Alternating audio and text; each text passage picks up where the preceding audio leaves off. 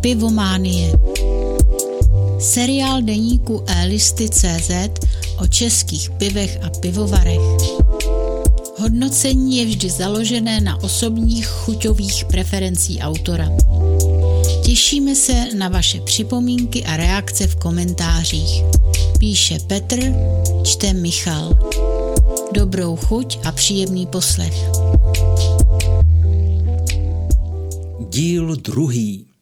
Pivo čtvrté. Ostravar. Zlatočervenou barvu etikety jsme tu měli už minule, leč ani v tomto případě zřejmě neznačí dobrou minulost, což asi k Ostravě patří.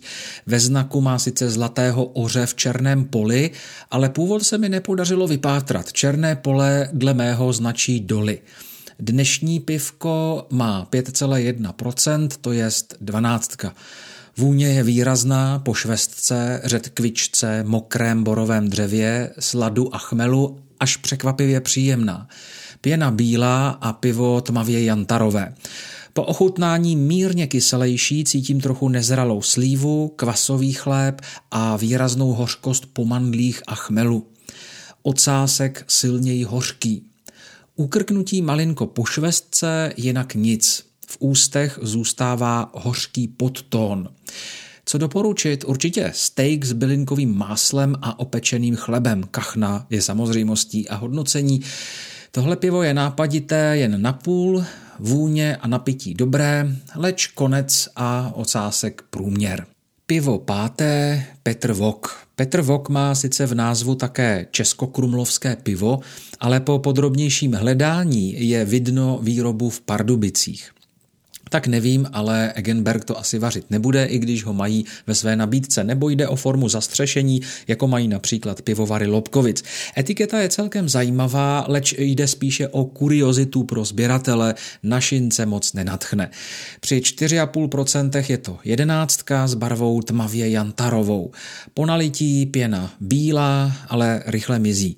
Cítím vařená vejce a jablka. Po napití hořkost, kůru z grepu a citrusové plody. Ocásek nic. Po ukrknutí malilinko hořkosti, po olíznutí vousů hořkost. Co doporučit? Slané síry typu niva, případně syrečky. Pivo celkově nijak nenadchlo a zřejmě cílí na suvenýry chtivé východní turisty, pro nás však tuctovka. Pivo šesté, Kloisterman, promiňte, Klosterman, polotmavý ležák ze strakonického pivovaru Dudák, jak já říkám dvoužloutkový, čili dvanáctka, etiketa s příběhem a dokonce i bájí, vys náš obrázek v článku. Po nalití barva kaštanově hnědá, pěna bílá, voní po jablkách, mandlích a karamelu a to hodně intenzivně a příjemně. Ochutnání je cítit po nezralých švestkách, silně praženém karamelu, angreštu a je příjemně hořký. Ocásek pak hořkosladký. Ukrknutí na sládle s chutí mandlí a chmelu. Co závěrem, pivko je velmi dobře pitelné, popravdě je to taková má srdcovka. Doporučil bych k silným vývarům a k vánoční večeři, tedy k bramborovému salátu s řízkem. Tohle pivo ze světa lesních samot určitě stojí za ochutnání.